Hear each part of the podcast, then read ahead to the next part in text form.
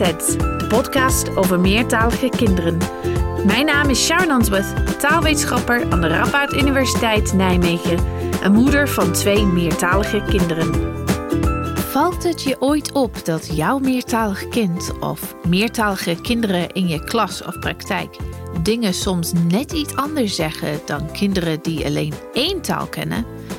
En dat hoe ze dingen zeggen beïnvloed lijkt te zijn door hun andere taal. Dit noemen we tussentaalinvloed. En daar gaan we het over hebben in deze nieuwe aflevering van Kletsets. Verder, in Let's Klets spreek ik met Gizi Canazaro van Heritage Language Schools Eindhoven over het belang van moedertaalonderwijs. En dit keer hebben we twee kletsets van de week. Meertalige zussen Mika en Nomi. Zij vertellen hoe ze de ene taal spreken als ze ruzie hebben en de andere als ze lief zijn voor elkaar. Blijf luisteren om te horen om welke talen het gaat. Door met de podcast. De zomer komt eraan en ik denk dat we allemaal ernaar uitkijken om weer op pad te gaan. Misschien zelfs naar het buitenland. Even je schoolfrans oppoetsen en dan lukt het je vast wel weer om je croissantjes te bestellen bij de bakker of een lekker wijntje op een terras. En het hoeft niet allemaal perfect te zijn natuurlijk. Dus als je een witte wijn wil bestellen en in plaats van een vin blanc zeg je een blanc vin, begrijpt de ober je vast wel. Al lijkt de volgorde van wit, blanc, een wijn, vin, meer op het Nederlands dan op het Frans. Want misschien weet je het niet meer, maar in het Frans komen de meeste bijvoeglijke naamwoorden, zoals blanc, rouge, vert, alle woorden voor kleuren dus, na het substantief. Dus na het woord dat ze beschrijven. Dit geldt ook voor woorden zoals néerlandais, Nederlands, magnifique, super en dangereux, gevaarlijk. Er zijn wel uitzonderingen op deze regel, dus bij de bakken een grand croissant bestellen in plaats van een croissant grand kan dan weer wel. Waarom vertel ik je dit allemaal? Nou, een blanc vin zeggen in plaats van een vin blanc. Volg je me nog? Dat is een mooi voorbeeld van waar we het in deze aflevering over gaan hebben. Tussentaalinvloed. Cross-linguistic influence wordt het genoemd in het Engels. Dus hoe de ene taal de andere kan beïnvloeden. Dit is niet alleen iets dat bij volwassenen als tweede taalleerders voorkomt. Tussentaalinvloed gebeurt ook bij meertalige kinderen. Meertalige kinderen klinken dus soms anders dan hun eentalige nichtjes of neefjes of klasgenoten. Dit kan op verschillende manieren zijn. Hun accent, dus hoe ze klinken, hun woordkeuze en ook de manier waarop ze hun zinnen bouwen of een morfosyntaxis om het een juiste taalwetenschappelijke label te geven. En daar gaan we het over hebben in deze aflevering. Waarom doen meertalige kinderen dit eigenlijk? En wat laat dit zien over hun taalontwikkeling? Waarom doen sommige meertalige kinderen het vaker dan anderen? Is tussentaalinvloed iets om je zorgen over te maken of hoort het er gewoon bij? Dit zijn vragen die we in deze aflevering gaan beantwoorden. En dat doen we samen met mijn collega aan de Radboud Universiteit hier in Nijmegen, Chantal van Dijk. Chantal werkt de afgelopen vijf jaar met mij samen op een project dat juist over dit onderwerp gaat. Het Two-in-One Project, het 2-in-1 project. Ze begon door een voorbeeld te geven van tussentaalinvloed bij een meertalig kind. Een voorbeeld komt van een collega. Uh, hij heeft een periode in de Verenigde Staten gewoond. Hij is Nederlands, maar is verhuisd met zijn gezin voor ongeveer een jaar, geloof ik, met hun uh, toen tweejarige dochtertje. En zij merkte op een gegeven moment, zij ging daar geloof ik ook naar de opvang, dat zij dingen in het Nederlands ging zeggen die soms net niet helemaal klonken als een eentalig kind misschien uh, zou doen. Dus zij zei bijvoorbeeld dingen als ik viel af de trap, wat ook duidelijk een Engelse woordvolgorde is in het Nederlands, in plaats van ik viel de trap af. Ja, klinkt best uh, oké voor mij trouwens, maar dat is een ander verhaal. en een ander voorbeeld is bijvoorbeeld uh, uit de studie van Elena Nicolades. Zij heeft hier ook veel onderzoek naar gedaan. En uh, zij vroeg bijvoorbeeld kinderen die zowel Engels als Frans uh, leerden om uh, bijvoeglijk naamwoorden en zelfstandig naamwoorden te combineren. In het Frans en in het Engels. En in het Frans zeg je eigenlijk vaak het, um, het bijvoeglijk naamwoord na het zelfstandig naamwoord. Dus je zegt bijvoorbeeld een appel groen in plaats van een groene appel. En zij vond dat kinderen soms ook die woorden omdraaiden. Dus dan zeiden ze uh, in het Frans une vert pomme, een groene appel, onder invloed van het Engels wat ze kenden. Ja, ik denk dat mensen kunnen denken van ja, je vertaalt het ene na het andere, maar ik denk dat we zo gaan leren dat zo simpel is het niet. Hoe vaak komt het voor eigenlijk dat meertalige kinderen dit doen? Aan de ene kant is het iets wat we gewoon heel duidelijk zien, wat we gewoon weten van dat gebeurt uh, in tweetalige taalontwikkeling. Dat zien we ook in heel veel verschillende studies, verschillende combinaties van talen zien we het voorkomen. Um, maar tegelijkertijd zien we ook dat het niet iets is wat kinderen bijvoorbeeld de hele tijd doen. Eh, juist niet eigenlijk. We zien dat kinderen heel vaak uh, juist uh, de, de, regels gebruiken van de taal die ze aan het spreken zijn. Dus we zien dat ze heel duidelijk juist onderscheid maken. En dat het niet zo is dat ze bijvoorbeeld constant de regels van hun talen door elkaar mixen. Of dat ze in de war zijn. Dat is helemaal niet zo. We zien gewoon dat het soms voorkomt. En het kan ook heel goed zijn dat kinderen het misschien wel helemaal niet doen. Het verschilt heel erg van kind tot kind. Ja, dat zie ik ook bij mijn kinderen. Dus mijn zoon, die nu nou bijna acht is, hij doet het veel vaker dan zijn zus. Dus er zijn heel veel verschillen tussen kinderen. Ja, ja, precies. En ik denk zelf ook, dat is een van de misschien wel meest interessante dingen hier aan, aan de tussentaalinvloed dat er zoveel variatie is. En dat we niet zien dat het bijvoorbeeld constant gebeurt of dat kinderen het evenveel doen. Ja, dus er is heel veel onderzoek hiernaar gedaan. We weten best veel, daar gaan we het vandaag over hebben. Maar er is ook best veel dat we niet helemaal precies uh, weten. Het is een soort mysterie uh, waar, waarom ja. kinderen dit doen. Maakt het inderdaad heel erg leuk om hier naar te kijken als uh, wetenschapper. Je zei net, nou, er is heel veel variatie tussen kinderen de vraag dan is natuurlijk, uh, waarom doet het ene kind het wel en de andere kind niet? Waarom doet het uh, een en hetzelfde kind het uh, op maandag, maar niet op dinsdag? Wat voorspelt wanneer de ene taal de andere beïnvloedt? Nou, is hier veel onderzoek naar gedaan, naar hoe we nou kunnen verklaren waarom er zoveel verschillen zijn tussen kinderen. En um, er zijn best ook veel factoren gevonden die hier mogelijk van invloed zijn nu drie zal ik noemen die uh, vaak terugkomen in onderzoek. En de eerste, misschien um, niet zo verbazend voor sommigen, is de rol van taaldominantie. Dus je ziet dat kinderen vaak een, een, sterkere taal hebben waar ze wat beter in zijn en een taal waar ze misschien wat minder goed in zijn. Uh, dus dan hebben we het vaak over een dominante taal en een niet-dominante taal. Wat we zien in onderzoek, niet in al het onderzoek, maar in sommige onderzoeken in elk geval, is dat um, tussentaalinvloed sterker lijkt te zijn van de dominante taal in de niet-dominante taal. Dus bijvoorbeeld, nou ja, in het geval van uh, een, kind dat hè, dominant is in het Nederlands en daarnaast, nou ja, Sharon, zoals jouw kinderen uh, Engels ook uh, leren, dan zou je misschien verwachten dat je meer tussentaalinvloed ziet van het Nederlands in het Engels dan andersom. Dus dat Nederlands het Engels meer beïnvloedt dan andersom. Ja, ja, ik denk dat dat wel herkenbaar zal zijn voor veel ja. ouders die uh, luisteren. Dus dominantie, of hoe sterk, hoe goed, hoe taalvaardig kinderen zijn in hun twee talen, dat speelt een rol. Wat, wat verder, je zei drie dingen. Wat mm -hmm. is nummer twee? Uh, nummer twee, dat heeft te maken met de manier waarop bijvoorbeeld de regels van talen met elkaar overlappen.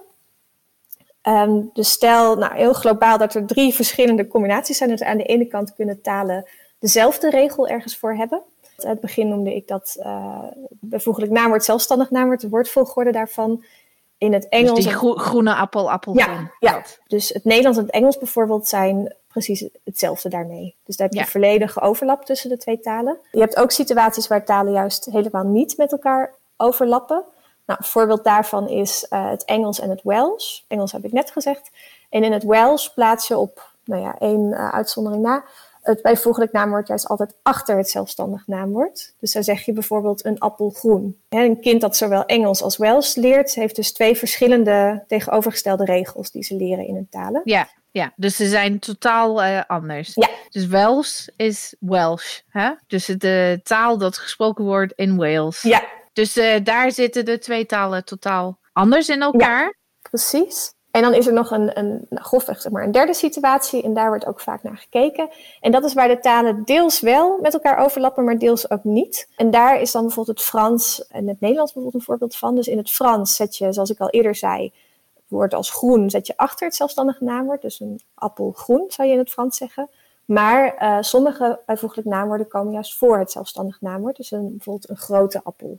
Dus het Frans heeft twee mogelijkheden, twee regels. En dus een kind wat zowel bijvoorbeeld uh, Nederlands of Engels en Frans leert, Het is een taal met maar één optie en een taal Frans met twee opties. Daar is dus gedeeltelijke overlap tussen de talen. En daarvan wordt, nou ja, dus de aanname, wat, wat vaak gedaan wordt, is dat juist in die situatie, dat je dan tussen taalinvloed verwacht vanuit het, het, bijvoorbeeld het Engels op het Frans.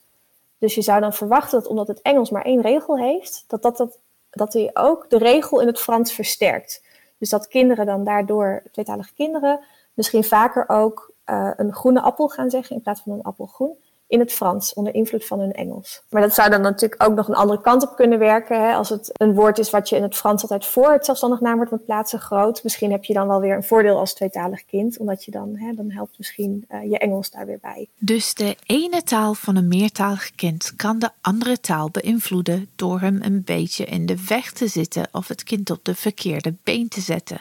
Een Franstalig kind dat naast het Frans ook het Nederlands spreekt, zal het dus misschien hebben over een grand croissant, wat het juiste volgorde is in het Frans, maar misschien ook af en toe over een noir chien, een zwarte hond, terwijl dat niet klopt. Het hoort juist andersom te zijn, een chien noir. Twee factoren die hierbij een rol spelen zijn hoe sterk kinderen zijn in hun twee talen. Dominantie noemde Chantal het net en in hoeverre de twee talen op elkaar lijken of niet als het gaat om die grammaticale regel. Daar gebruiken we de Engelse term voor, overlap. En het gaat er niet om dat twee talen helemaal hetzelfde zijn, dus helemaal overlappen, maar dat ze deels hetzelfde zijn. Gedeeltelijke overlap noemen we dat. En nummer drie, waar ook nog veel naar wordt gekeken, is de leeftijd van uh, kinderen. Ja. En dan gaat het vooral om de vraag van, uh, is tussentaalinvloed iets wat uh, alleen bij jonge kinderen voorkomt? Dus um, met name echt tijdens de taalontwikkeling. En verdwijnt dat dan op latere leeftijd? Of is dat iets wat echt bij het tweetalig zijn hoort? En zie je dat ook nog bij oudere kinderen bijvoorbeeld? Ja, en wat is het antwoord daarop? Dat wisselt en dat geldt eigenlijk voor ook de andere twee variabelen die ik genoemd heb. Vaak is het niet zo makkelijk, als je op het eerste gezicht zou denken. Uh, je ziet onderzoeken Um, waar inderdaad wordt gevonden dat oudere kinderen geen tussentaalinvloed meer laten zien, of dat het minder wordt in elk geval in oudere kinderen. Dus minder invloed van de ene taal op de andere taal. Uh, maar er zijn ook weer onderzoeken waar je dat niet terugziet. En je ziet ook uh, onderzoeken bijvoorbeeld met kinderen van een jaar of acht of een jaar of tien, ook nog steeds tussentaalinvloed ziet. Ja, wat denk je zelf? Ik, ik denk dat er twee kanten aan zitten. Ik denk wel dat het mogelijk wat subtieler wordt uh, naarmate je ouder wordt omdat je gewoon ja, misschien wel meer getraind bent in het gebruiken van je talen. Omdat je gewoon ouder bent en vaker je talen hebt gebruikt. Um, maar ik, ik denk wel dat het nog steeds ook bij oudere kinderen en ook, ook bij volwassenen blijft. Dus het is, zoals ik het zie, onderdeel van tweetalig zijn. Ja, kan allebei eigenlijk. Hè? Dus dat het deels in de ontwikkeling zit, maar ook inderdaad, zoals je net zei, gewoon een deel van meertalig zijn is. Ja. We hebben laatst een enorme studie gedaan, meta-analyse heet dat, over dit onderwerp. Dus waar we, waarin we data van allerlei onderzoeken samen hebben gebracht. Want zo kan je wel meer uitzoeken. Kan je ons daarover iets vertellen? -hmm. Ja, nou, we hebben net dus van verschillende onderzoeken data samengenomen. Daar hadden we in totaal data van meer dan 700 tweetalige kinderen. Dat was een heel mooie hoeveelheid om wat beter te gaan kijken naar die drie factoren die ik net noemde. Nou, wat we zagen was voor taaldominantie vonden we inderdaad dat um, tussentaalinvloed sterker was. Dus talen, de ene taal beïnvloedde de andere taal meer. Wanneer we gingen kijken naar de, de niet-dominante taal van het kind. Dus we zagen inderdaad sterkere tussentaalinvloed van de dominante taal in de wat zwakkere taal. Dus als je beter Nederlands praat dan uh, Frans, als je Frans-Nederlands tweetalige bent, dan beïnvloedt Nederlands het Frans. Ja, precies. Ja, en we zagen dat het sterker was dan andersom. Dus we vonden alsnog dat het ook de andere kant op ging. Dus in jouw voorbeeld uh, zagen we dan nog steeds bijvoorbeeld invloed van het Frans op het Nederlands. Maar dat was niet zo sterk, dat kwam dan minder vaak voor dan van het Nederlands op het Frans. Ja. Um, dus dat is voor taaldominantie, dus dat vonden we inderdaad terug. Wat betreft overlap tussen talen, uh, daar vonden we geen verschillen. Dus we keken naar als er helemaal geen overlap was tussen de talen, dus zoals uh, het Engels en het Wales. Uh, en situaties zoals ik uitlegde voor de groene appel in het Engels en het Frans bijvoorbeeld. we zagen geen verschillen hier als het ging om tussentaalinvloed. Dus we zagen in beide situaties vonden we tussentaalinvloed terug. ehm, moet ik wel een kanttekening maken. De vraag is een beetje van, ja, eh, de manier waarop uh, overlap gedefinieerd is, niet altijd even goed vergelijkbaar tussen studies. Dus ehm, die vraag staat eigenlijk nog steeds een beetje open van wat is nou precies de rol van overlap hier? Ja, ja dus uh, eigenlijk dachten wij, hè, we voegen het allemaal samen, dan krijgen we meer een soort de definitief antwoorden op deze vraag. Maar eigenlijk bleek iedereen, alle onderzoekers, net op een andere manier te kijken naar dat, dat idee van overlap tussen die uh, regels van de twee talen, dat het dan toch wel moeilijk wordt om al die data met elkaar te vergelijken. Ja. Dus, dus om duidelijk te zijn, er zijn wel onderzoeken die inderdaad een effect daarvan zien. Er zijn ook onderzoeken die vinden dat je de ene taal de andere kan beïnvloeden zonder dat er overlap zit tussen de twee talen. Dus er lijkt wel iets te doen, maar hoe sterk dat is, dat kunnen we nog steeds niet helemaal goed zeggen. Ja. Ver, ja. Verwoord ik dat? Uh, ja. Oké. Okay? Ja, heel precies. Ja, precies dat. Ja, ja dus ja. die vraag, dat, dat weten we nog niet precies, helaas. Ja. En dan de laatste factor leeftijd. Um, nou, wat we daarvan zagen, we hadden dan kinderen tussen de drie en de tien jaar oud in al die resultaten zitten. Dus we zagen dat tussen taalinvloed uh, leek wat minder sterk te worden naarmate kinderen ook ouder werden. Maar als we dat echt gingen analyseren, dan bleek dat toch niet zo um, sterk te zijn. Tussen taalinvloed is niet iets wat alleen maar hoort bij hele jonge kinderen, maar dat blijft ook, ook in oudere kinderen uh, bestaan. Ja, dus het hoort er gewoon bij. Ja. Ja, dus dat denk ik is ook wel interessant voor ouders om te weten. Dat is eigenlijk een normale deel van uh, meertalige taalontwikkeling. Nou, leuk. Uh, we komen zo terug op wat dit allemaal ons laat eigenlijk zien over meertalige taalontwikkeling, behalve dat het echt uh, erbij hoort. Maar we gaan nu eerst horen van onze volgende gast. Voordat we van onze volgende gast horen, eerst even een korte nieuwsflits. Als je trouwe luisteraar van Kletsets bent, dan weet je dat we aan het begin van het jaar een hele aflevering hadden over de impact van de lockdown op meertalige gezinnen. We hebben jullie toen ook gevraagd om mee te doen aan een onderzoek hierover. En jullie hebben massaal gehoor gegeven aan onze oproep, want we hebben bijna duizend reacties gekregen.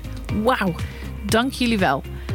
Momenteel zijn we druk bezig met het analyseren van deze data en we zullen later in het jaar terugkomen met de resultaten. Nu wil ik graag nog een keer van jullie horen. Hebben jullie vragen over meertalige kinderen die we in Kletsets nog niet hebben beantwoord? Stuur ze dan op. Want in de laatste aflevering van dit seizoen ga ik samen met mijn collega van de Universiteit van Amsterdam, Josje Verhagen, jullie vragen beantwoorden. Opsturen kan via de website www.kletsetspodcast.nl en dan ga je naar contact. Daar is een formulier dat je in kunt vullen. Of je kunt gewoon een mailtje sturen kletset.ru.nl. Wat mij heel erg leuk lijkt is als je je vraag inspreekt op je telefoon en dit naar ons opstuurt en dan kunnen we dit ook in de aflevering gebruiken. Het tweede seizoen van Kletset zit er dus bijna op. Treur niet, want ik ben al bezig mooie plannen te smeden voor het derde seizoen. Maar daarvoor heb ik jullie input nodig. Welke delen van Kletsets vinden jullie het leukst? Waar zou je meer over willen horen of juist minder? Wat denk je van de lengte van de afleveringen? Zijn ze te lang of juist goed? Laat het me alsjeblieft weten door een paar minuten de tijd te nemen om een paar vragen te beantwoorden via de website www.kletsetspodcast.nl slash enquête. De link vind je ook in de show notes. Ik hoor heel graag van jullie. Voor nu, door met de rest van deze aflevering. Let's klets! In elke aflevering van Kletsets praat ik met een ouder of professional over hun ervaringen met meertalige kinderen. Dit keer hebben we het over moedertaalonderwijs of heritage language schools. Deze scholen vinden meestal plaats na schooltijd of in het weekend. Ze worden ook wel eens zaterdagscholen genoemd. En meestal gaat het om non-profit initiatieven van ouders. Wat deze scholen doen is meertalige kinderen de kans bieden om hun thuistaal in een schoolse omgeving te leren. Want vaker wel dan niet vallen deze scholen buiten het openbare schoolsysteem, Dit is hier in Nederland zeker het geval. Mijn naam is Gizi Canizaro. Ik woon in Eindhoven, Nederland en ik ben voorstander van moedertaalonderwijs. Je bent voorstander van moedertaalonderwijs. Je bent ook heel erg uh, veel bij betrokken. Want jij bent de oprichter van Heritage Language Schools Eindhoven. Ja, dat klopt. Ja. Wij hebben hier in Eindhoven meer dan twintig moedertaalprogramma's. En er zijn meer dan duizend leerlingen die dit soort programma's volgen. En hierop kunnen we heel trots zijn. Dus we zijn in 2018 begonnen met een project om de zichtbaarheid van de verschillende programma's hier te vergroten. En we doen dingen zoals activiteiten organiseren om de moedertaalprogramma's samen te brengen. En wij proberen ook de waardevolle partners in de regio te vinden. Wat bedoel je met waardevolle partners? Wat moet ik me daarbij voorstellen? Wij werken samen met bijvoorbeeld Holland Expat Center South, de Salto scholen, Brainport Development, Bibliotheek Eindhoven en dat soort mensen. Oké, dus met organisaties die iets met school en onderwijs en expats te maken hebben. Ja, precies. Ja, en wat voor talen zijn dat er? Wij hebben talen uit Europa, bijvoorbeeld Bulgaars, Hongaars, Roemeens, Duits, Spaans, Italiaans. Maar wij hebben ook talen uit Azië, Koreaans, een stuk of zeven Zuid-Indiaanse talen en Chinees natuurlijk. Ja, wauw. Dus de hele wereld is vertegenwoordigd, of niet de hele wereld? Nee, helaas nog niet. Nee. Dus er doen al best wat ouders mee. Dus veel ouders sturen een kind naar moedertaalonderwijs. Waarom zouden ze dat moeten doen eigenlijk, volgens jou? Op zich, wat ouders willen doen, is moedertaalverlies voorkomen. Wat je ziet is dat verlies begint vaak als de kinderen naar school gaan. En normaal gesproken willen ouders betere grammaticale vaardigheden voor de kinderen. Ze willen dat de kinderen in de moedertaal kunnen lezen en schrijven. En ze willen tenminste dat de kinderen een gesprek kunnen voeren met familieleden in het thuisland. Ja, dus het is een soort extra ondersteuning bovenop wat ze thuis krijgen. Want ja, niet alle ouders kunnen hun kinderen leren lezen en schrijven. Zelfs ben ik taalkundige. Het is mij nog steeds niet gelukt om mijn dochter helemaal goed te leren schrijven in het Engels. Het gaat over leren lezen en schrijven, wat inderdaad niet alle ouders kunnen dat doen. En niet alle kinderen willen dat de ouders de rol nemen als leerkracht. Dat werkt niet voor alle gezinnen. Maar het gaat ook over de onderwerpen wat thuis wordt behandeld want thuis bespreek je een bepaalde aantal onderwerpen, maar op school bespreek je op een meer formale manier. En dat missen de kinderen die op school alleen Nederlands leren. Ja, dus ook een ander soort, soort academische taal uh, Precies. leren ze dan. Ja. Dus je noemde net Italiaans. Ik weet dat jij eigenlijk het Italiaans programma hebt opgezet. Ja. Hoe doe je dat? Want stel dat er ouders zijn die niet in Eindhoven wonen of die geen moedertaalprogramma hebben bij hun in de buurt. Misschien denken ze, nou, misschien moeten wij dat ook gaan doen voor onze thuistaal. Hoe pak je het aan?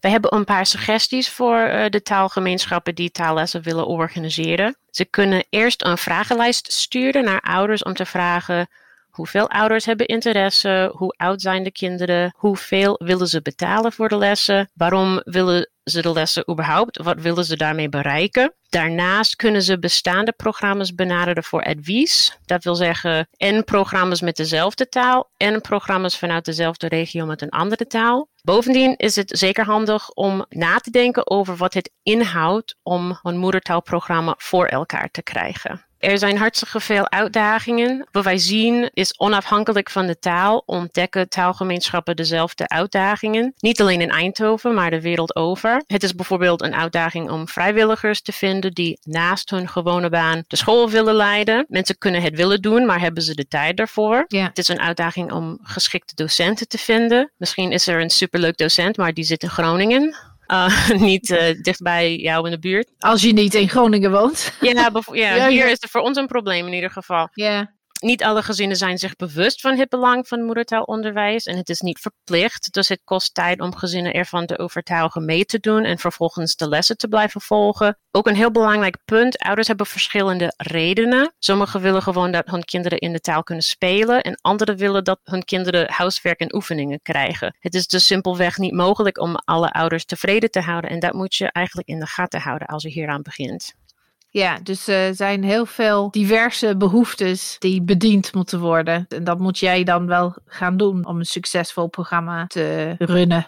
Ja, je hebt praktische dingen waarover je niet altijd veel controle hebt. Bijvoorbeeld, je kan niet altijd ouders veel geld vragen, omdat als je kinderen hebben, ze hebben andere activiteiten. Ouders hebben meerdere kinderen. Dus open blijven met beperkte middelen kan lastig zijn. Hangt er vanaf in welke regio je zit, maar normaal gesproken is het niet altijd gemakkelijk om een geschikte en betaalbare leslocatie te vinden. Uh, lesmateriaal kan lastig zijn.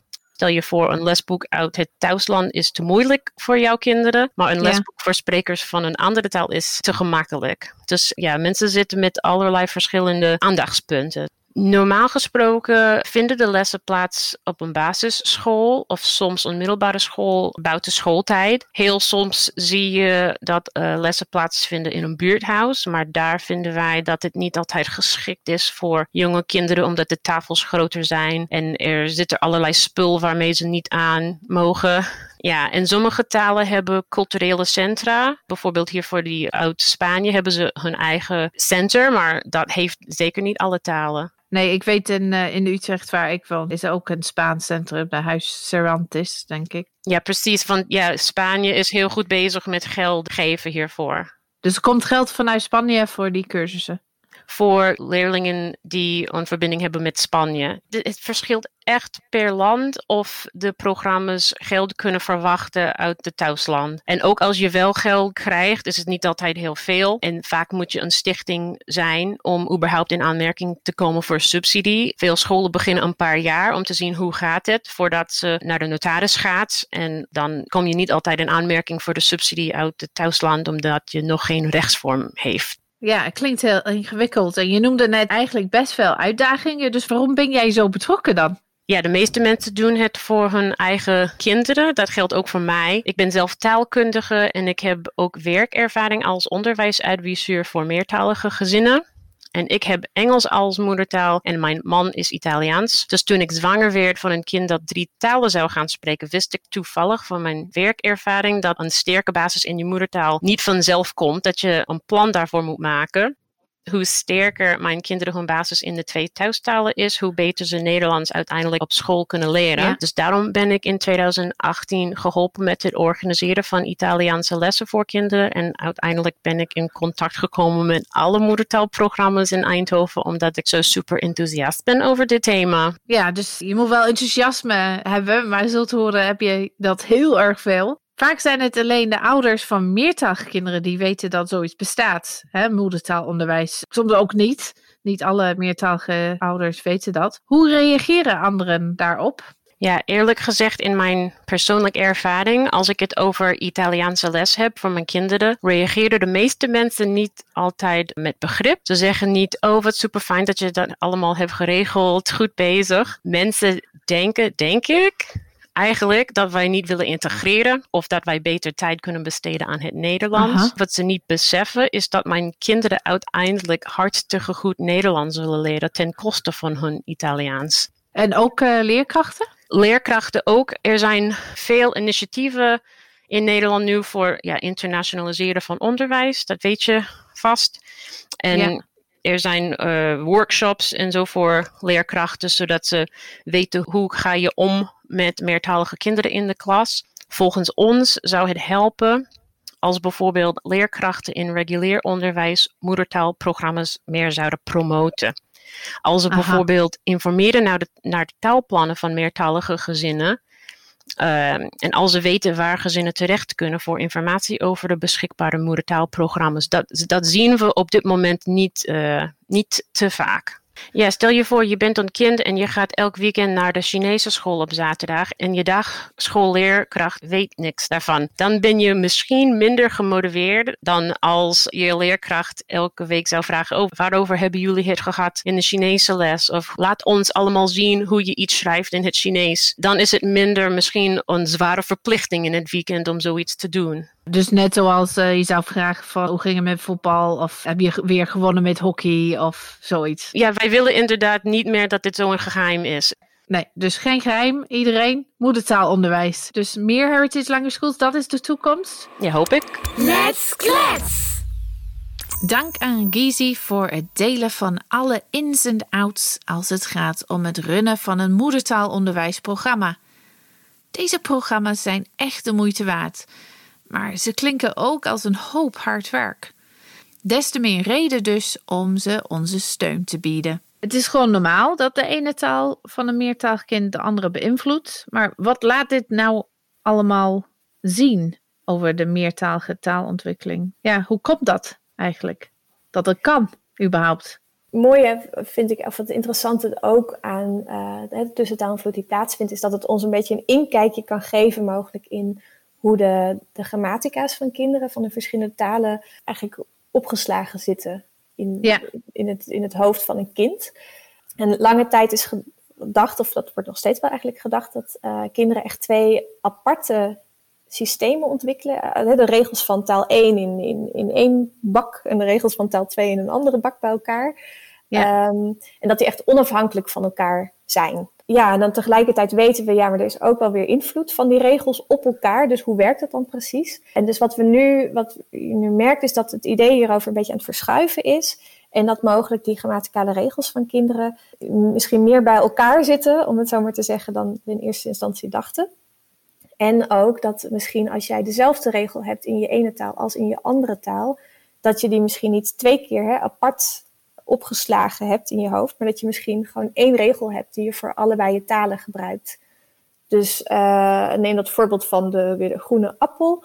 He, dus in het Nederlands, of sorry, grote appel moet ik zeggen. In het Nederlands zet je het altijd voor het zelfstandig naamwoord. In het Frans zou je dat ook voor het zelfstandig naamwoord zetten.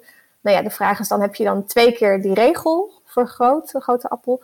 Of heb je gewoon één regel die je zowel in het Nederlands als het Frans kan gebruiken? En ja, neigt er nu meer naar dat we misschien uh, dat het, het laatste, het tweede, um, correct is. Oké, dus, dus de twee talen zijn eigenlijk aan elkaar verbonden in, uh, in het hoofd van een kind. Maar hoe weten we dat eigenlijk? Want wij gaan natuurlijk niet daadwerkelijk in hun hoofd uh, kijken. Ja, we proberen daar eigenlijk op een dan indirecte manier achter te komen van uh, hoe dat nou zit. En uh, dat wordt vaak gedaan door middel van um, priming onderzoek, heet dat. En uh, priming, dat, um, dat heeft ermee te maken dat als jij net een bepaalde, bijvoorbeeld een woordvolgorde hebt gehoord, bijvoorbeeld in het Nederlands, je hoort iemand zeggen, um, ik geef de man een appel.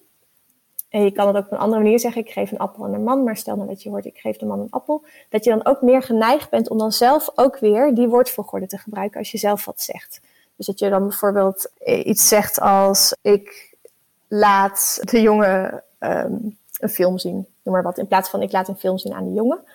Uh, dus dat is priming, dat zien we binnen talen dat dat gebeurt. Dat, dat uh, gebeurt bij kinderen, dat gebeurt bij volwassenen. Um, en er wordt dus dan ook onderzocht of we dat ook tussen talen zien.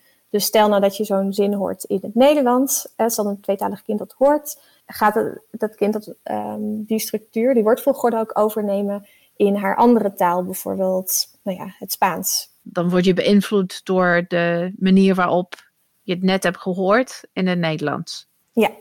Ja, want dat doen we eigenlijk uh, dag in dag uit. Hè? Dat is ook ja. een manier waar mensen dichtst bij elkaar komen eigenlijk in een gesprek. Dus eentaligen doen het ook volwassenen doen het ook. Uh, let dus op als je een volgende keer met iemand in gesprek bent. of jullie elkaar eigenlijk gaan een beetje spiegelen. Is dat? Ja, ja. ja. spiegelen, ja. ja. Dus we doen dat dag in dag uit. Maar als onderzoekers gebruiken we dat als een soort methode.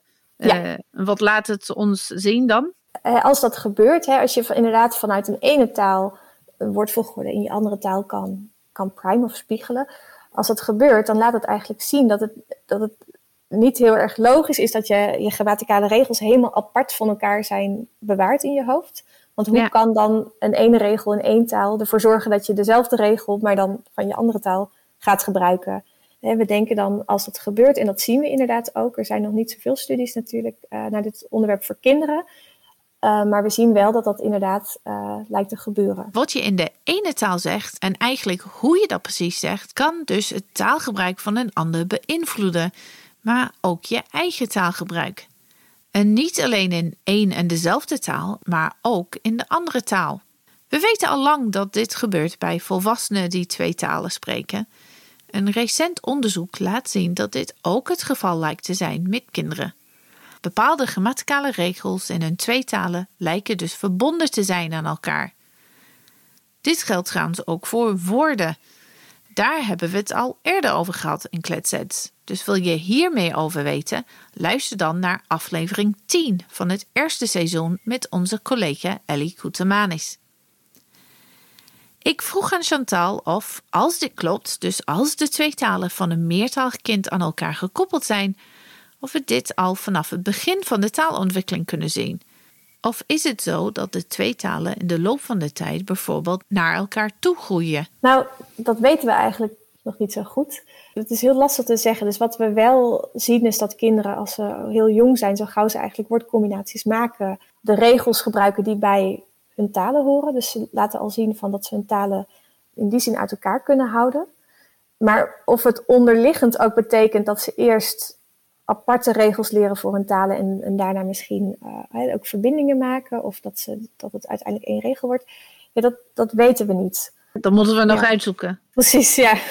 Vaak denken mensen als je zegt, nou ja, de regels kunnen onder bepaalde voorwaarden gedeeld zijn, dat mensen denken van, oh nou, maar hoe kan dat dan? Dus het is eigenlijk een grote mengelmoes van twee talen door elkaar, maar dat is eigenlijk niet wat we bedoelen. Dus kinderen zijn prima in staat om hun twee talen uit elkaar te halen. Ze lopen door dezelfde uh, ontwikkelingsstadia als eentalige kinderen. Alleen op een bepaald moment, dat moment weten we eigenlijk nog niet, komen die twee talen in verbinding met elkaar. Ja. Nou, ik denk dat we nu naar onze kletset van de week gaan luisteren. Kletset van de week.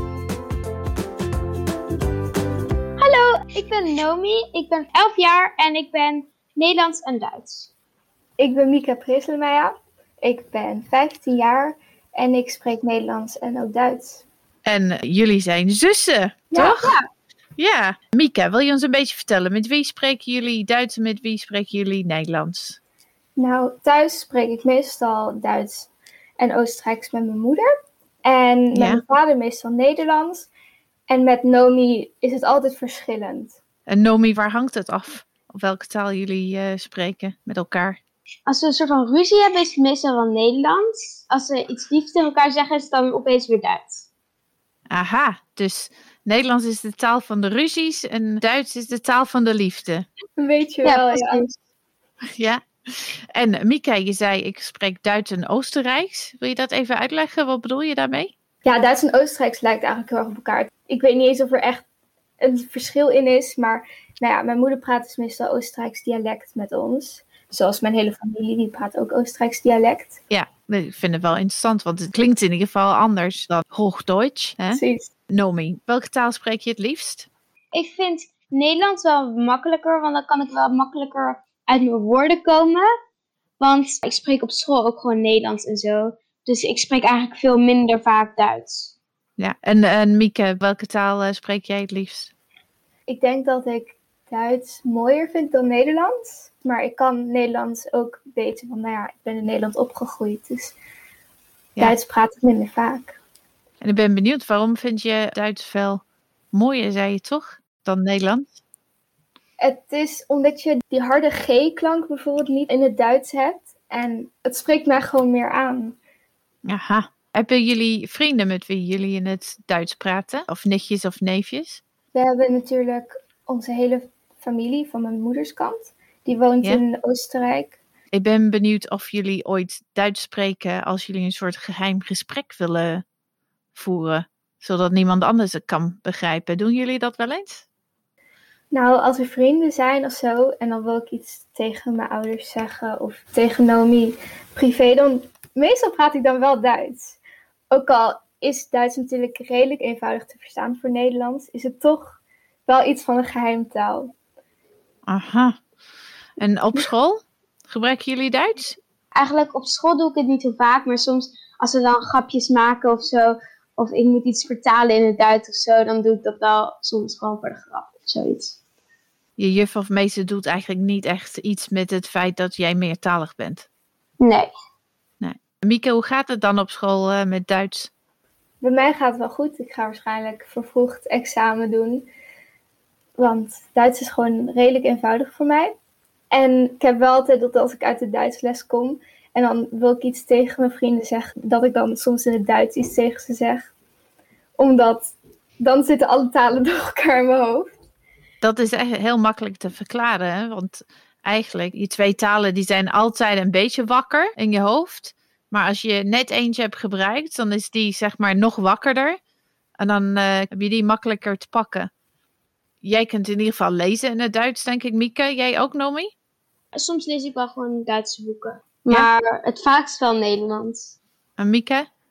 Lees jij eh, vooral Nederlands of eh, ook in het Duits? Ik denk dat ik meer Nederlandse boeken lees dan Duitse boeken, maar er is niet veel verschil. Ja. En ik ben benieuwd, want jullie zitten nog steeds op school in Nederland. En dan leer je in groep drie lezen. Hebben jullie daarvoor of daarna leren lezen in het Duits? Oh, dat is een goeie. Of weet je het niet meer? Daarna. Want ja, ik had wel heel veel moeite met de ui en de eu door dat Duitse. Dat kon ik echt totaal niet, maar dat kan ik nu wel weer, gelukkig. Maar ik ben wel later begonnen met Duits. Ja, en leg eens even uit. Wat is het verwarrende aan ui? Sowieso heel lastig voor eh, buitenlanders. Ui en eu. Vroeger praat ik waarschijnlijk meer Duits. En dan praat je eigenlijk alleen maar met de ui. En als je dan iets moet doen met de eu, dan is dat weer heel erg verwarrend. Je bedoelt eu. Ja, Ja, dat spreek je ook anders uit in het Duits, toch? ja. Oi. Oi. Hi. Ja. Hey Nomi, in welke taal droom je? Meestal droom ik over mensen. En dan droom ik wel over mensen die ik ken. En de meeste mensen die ik ken, dat is dan niet over familie, maar dan vrienden. En die zijn dan Nederlands. Dus volgens mij is dat dan wel dan in het Nederlands. Aha. En jij, Mieke, weet je het? Ik zou het niet weten. Ja, ik denk vaker in het Nederlands, maar Duits kan ook wel. Maar ja, hoe, hoe weet je dat eigenlijk, hè? Hebben jullie een huisdier? Ja, Vertel. en we hebben een kat. En tegen die kat praten we wel altijd Duits. Dus de kat die kan alleen Duits. Ja. Ben je bij iemand anders en zie je een kat of een hond of zo, ga je dan altijd Duits praten tegen die dieren? Nou, ik let er wel op. Maar stel ik zie gewoon een kat over straat lopen. Dan ben ik wel eerder van het Duitse. Ik, eh, Ja? Grappig. ja, Vinden jullie het leuk om meertalig te zijn? ik wel. Het is Ik ook. altijd een soort van geheimtaal. En je kan met heel veel, veel mensen praten. Want natuurlijk, nou ja, als je alleen Nederlands kan, kun je alleen met Nederlanders praten. Of mensen die Nederlands kunnen. Maar ja, als ik niet Duits had gekund, had ik ook niet goed kunnen communiceren met mijn familie in Oostenrijk. En ja, ik ben toch wel heel blij dat ik twee dagen ben opgevoed. Want het is toch iets speciaals. Ja, maar toch zijn de meeste kinderen op aarde meertalig. Wisten jullie Ja. dat?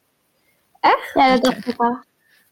Ja, want er zijn landen waar alle kinderen meertalig zijn, min of meer. India, Zuid-Afrika, heel vaak. Ik bedoel, ik, ik ben met je eens, het is heel bijzonder om meertalig opgevoed te zijn. Maar in Nederland denken we vaak, oh, het is een soort uitzondering. En misschien is dat zo in Nederland. Maar als je kijkt naar de hele wereld, zijn de meeste kinderen op aarde meertalig. Nou, als jullie ouder worden, en dan stel dat jullie zelf kinderen krijgen. Welke taal gaan jullie praten tegen je kinderen?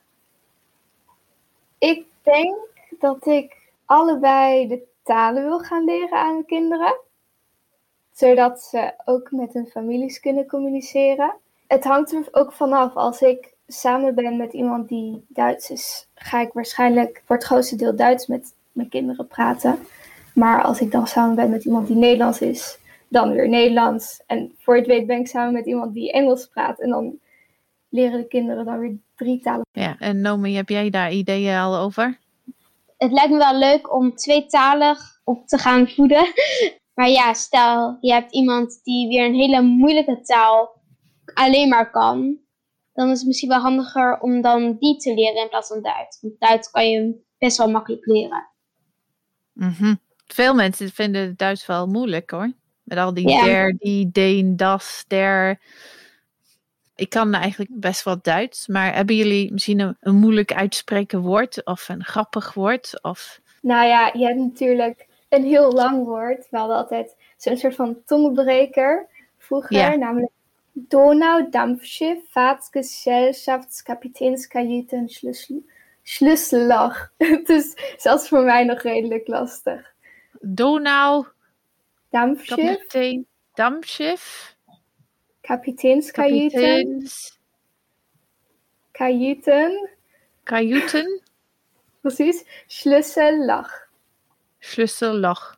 Ja, het is zeg maar een soort van aan elkaar gekoppeld worden van allemaal woorden. En komt uiteindelijk op neer op een sleutelgat van een schip van wat op een rivier vaart. Ja, daar is het Duits wel bekend voor, hè? Van die hele lange samenstellingen heet ze. Weet je wel, ja. Ja. Oké, nou, hebben jullie misschien vragen voor mij? Welke twee talen spreek je? Welke twee talen spreek ik? Mhm. Eh, ik ben opgegroeid in Engeland, dus ik spreek Mhm. Engels. Ik kom uit het noorden van Engeland, dus in de buurt van Manchester. Maar ik woon 20 jaar in Nederland, dus ik spreek Nederlands. Ik heb Duits gestudeerd, ik kan ook Duits. Oké, cool. En ik heb ook Frans gestudeerd. Dus je un peu français. Mijn Frans is niet zo goed meer. Maar wij kijken nu momenteel een serie op Netflix in het Frans. En nu is het, ineens is al mijn Frans wakker. Oh ja. Wel veel talen, ja. Het is ook wel soms als je dan in Oostenrijk op vakantie was, de hele zomer of zo. En dan kom je weer terug en dan moet je weer bijvoorbeeld met eh, heel veel mensen Nederlands gaan praten. Maar dan is het helemaal heel raar. Ja, Want dan ben je helemaal Oostenrijks gewend of Duits. maar dat went wel weer. Ja, precies. Ja, dus je ziet, het gaat een beetje zo, hè? Een beetje op en neer, Ja. op en neer. Afhankelijk van waar je bent en met wie je praat. Ja. Nou, ik vond het een heel leuk gesprek, dames. Dank je schön. En eh auf Wiedersehen. Auf Wiedersehen. Auf Wiedersehen! Kletset van de week. Ik zit vandaag met Chantal van Dijk van de Radboud Universiteit, dus een van mijn collega's, samen. En we hebben het over tussentaalinvloed. Een hele mond vol. Dus hoe de ene taal van een meertalig kind de andere taal kan beïnvloeden. We hebben vastgesteld dat er allerlei factoren zijn die hier een, een rol bij spelen. Dus als eh, de regels deels hetzelfde zijn, lijkt dat iets te doen als de, een kind beter is in de ene taal eh, dan de andere, lijkt dat ook ervoor te zorgen dat er meer kans is dat die, de sterkere taal de andere gaat beïnvloeden. En we hebben ook gehoord dat het eigenlijk heel normaal is en dat ook oudere kinderen dit blijven doen. We hebben een aantal voorbeelden genoemd. Hè? Dus we hebben het over Frans en Nederlands als een combinatie. We hebben het over Nederlands en Engels als combinatie gehad. Er zijn natuurlijk allerlei andere combinaties eh, te bedenken. Maar we hebben het niet echt gehad over de, de, de eigenschappen van die, van die talen. Sommige talen lijken meer op elkaar, omdat ze bijvoorbeeld uit dezelfde talenfamilie komen. Dus eh, ik denk altijd Duits, Nederlands lijken op elkaar.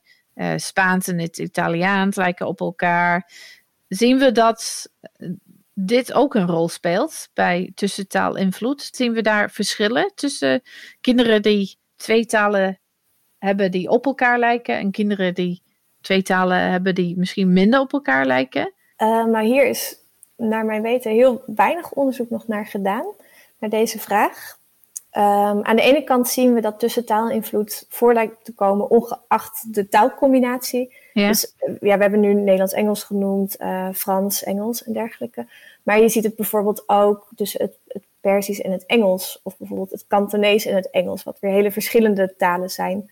Ja. Aan de andere kant zien we weer in onderzoek dat we dan recent hebben gedaan, dat het misschien mogelijk toch wel wat uit kan maken. En dat um, hoe meer de talen op elkaar lijken, dat het misschien zorgt voor een ja, nog sterkere tussentaalinvloed. Hè, dat dat nog wat versterkt wordt dan wanneer talen toch minder op elkaar lijken. Maar hoe dat nou helemaal precies zit, daar moeten we gewoon nog meer onderzoek naar doen. Ik denk dat het ook belangrijk is wat je net noemde, om dat te beseffen dat ook als talen niet op elkaar lijken, als het van totale andere talenfamilies komen, dus uh, Kantonees, dus Chinees uh, en Engels of Persisch en Engels, ja, dat er alsnog tussentaalinvloed plaats kan vinden. Dus de ene kan de andere alsnog uh, beïnvloeden. We begonnen met voorbeelden van mijn eigen kinderen. Um, en ik denk dat bijna alle ouders die luisteren ook voorbeelden kunnen bedenken van hun eigen kinderen. Van dit soort uitingen eigenlijk, waar je ziet dat de, de ene taal de andere beïnvloedt. De vraag is of je daar iets aan moet doen als ouder. Wat denk jij? Nou, ik denk dat het belangrijkste hier is om, je hebt het op een gegeven moment al gezegd, maar ik denk dat het heel belangrijk is om echt te benadrukken van tussen taalinvloed of de invloeding van de ene taal op de andere, dat hoort er eigenlijk gewoon bij. Dus als je tweetalig opgroeit, dan heb je gewoon meer verschillende regels tot je beschikking uh, dan een eentalig kind bijvoorbeeld. Mhm. Um, dus dat het voorkomt, dat, dat is gewoon zo. En, en net als dat kinderen soms een woord van de ene taal in een andere taal gebruiken. Dus het is niet iets uh, wat, wat fout is, bijvoorbeeld, of waar je je zorgen om moet maken. Het betekent ook niet automatisch dat kinderen bijvoorbeeld de regels niet kennen van hun talen. Het is gewoon iets wat erbij hoort als je tweetalig bent. Dus het is, um, zoals ik het zie, niet iets waar je als ouder iets mee moet of je zorgen om hoeft te maken. Ja, ik moet zeggen, soms vind ik het best grappig of schattig of ja, interessant als wetenschapper dan. Uh, op andere momenten maak ik me toch wel een beetje zorgen van nou, hoort dit erbij? Is dit goed? Het is goed om dat te weten, denk ik, dat je daar geen zorgen over hoeft te maken. Dat is als ouder, maar als leerkracht? Ik denk voor leerkrachten wat natuurlijk goed is om je er bewust van te zijn dat het gebeurt. Uh, en ik moet ook terugdenken aan een gesprek met mijn moeder, die ik een tijd terug had. Uh, zij heeft een tijd als docent Nederlands gewerkt op een middelbare school. En um, ik vertelde over een nieuw onderzoek wat ik ging doen. En dat ging over voornaamwoorden in het Nederlands, hij en zij. Uh, en ik wou dat gaan onderzoeken met Turks-Nederlandse tweetalige kinderen. En in het Turks heb je geen onderscheid tussen hij en zij. Dus dan zeg je één woordje oh, of je laat het helemaal weg. En ik had het met haar erover. En zij had een, een, een kind op een gegeven moment in de klas gehad. Die zei soms hij in plaats van zij. Mm -hmm. En uh, die kende ook Turks. En toen ik haar dat vertelde, dat was echt zo'n moment, toen zei ze ook, oh, oh, dus, oh, dus daar komt dat vandaan. En um, hè, dat, dat, was voor haar gewoon heel fijn om zich te realiseren van, oké, dat komt gewoon uit de andere taal, omdat ze het niet zo goed kon plaatsen. En ik kan me voorstellen dat dat, dat, gewoon heel erg goed is als leerkracht, dat je weet van, oké, dat kan hè, door de andere taal, komt er soms wat uh, naar voren, um, wat niet gelijk betekent dat een kind iets niet, niet weet of kan. Uh, dus ik denk dat dat misschien wel het allerbelangrijkste is, uh, het, het, realiseren daarvan. Ja, dat het gewoon normaal is eigenlijk. Ja. Ja. Oké, okay. duidelijk. Dankjewel. Ben je leerkracht of logopedist en zou je graag meer willen weten over de eigenschappen van verschillende talen, dus talen die meertalige kinderen in jouw klas of praktijk thuis spreken, dan kun je kijken naar de moedertaal in NT2-app van collega's van de Universiteit Utrecht. Hier vind je uitgebreide informatie over verschillen en overeenkomsten tussen het Nederlands en andere talen, zoals Turks, Pools en Somalisch, en wat voor gevolgen deze kunnen hebben voor het leren van Nederlands als tweede taal. www.moedint2.nl moedin2.nl De link staat in de show notes. Zoals we vandaag in deze aflevering hebben geleerd, kan de andere taal het Nederlands beïnvloeden, maar dat hangt van verschillende factoren af. Het kan natuurlijk ook zijn dat het Nederlands de andere taal beïnvloedt. We hebben het in deze aflevering gehad over gevallen van tussentaalinvloed waar meertalige kinderen iets anders doen dan eentalige kinderen.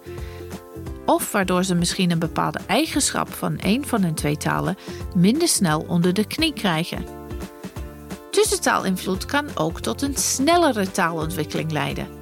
De twee talen van een meertalig kind kunnen elkaar dus helpen, elkaar versterken. Hier is zeker onderzoek naar gedaan, maar niet veel. Misschien omdat het niet zo snel opvalt. Als een kind iets goed zegt, dus als het zeggen zoals het hoort, dan let je daar minder op. Terwijl als een meertalig kind net iets anders zegt dan een eentalig kind, dan valt het juist op. Het is dus goed om hier ook bewust van te zijn. Zoals Chantal net zei, geeft tussentaalinvloed ons een mooi inkijkje in het hoofd van meertalige kinderen. Het laat zien dat de twee talen aan elkaar zijn verbonden. Factoren zoals taaldominantie, leeftijd en gedeeltelijke overlap, die spelen allemaal een rol, maar we begrijpen nog steeds niet goed genoeg onder welke omstandigheden de ene taal de andere beïnvloedt en waarom het bij het ene kind gebeurt en het andere niet. Er is dus nog veel meer onderzoek nodig. Eén ding is echter wel duidelijk, en dat is als je met meer dan één taal opgroeit, tussentaalinvloed een normaal deel is van je taalontwikkeling. Wil je meer weten over Kletset? Ga dan naar www.kletsetpodcast.nl. Daar vind je ook meer informatie over deze aflevering. Wil je geen aflevering missen? Abonneer je dan op Kletsets via je favoriete podcast app. Bedankt voor het luisteren en graag tot de volgende keer.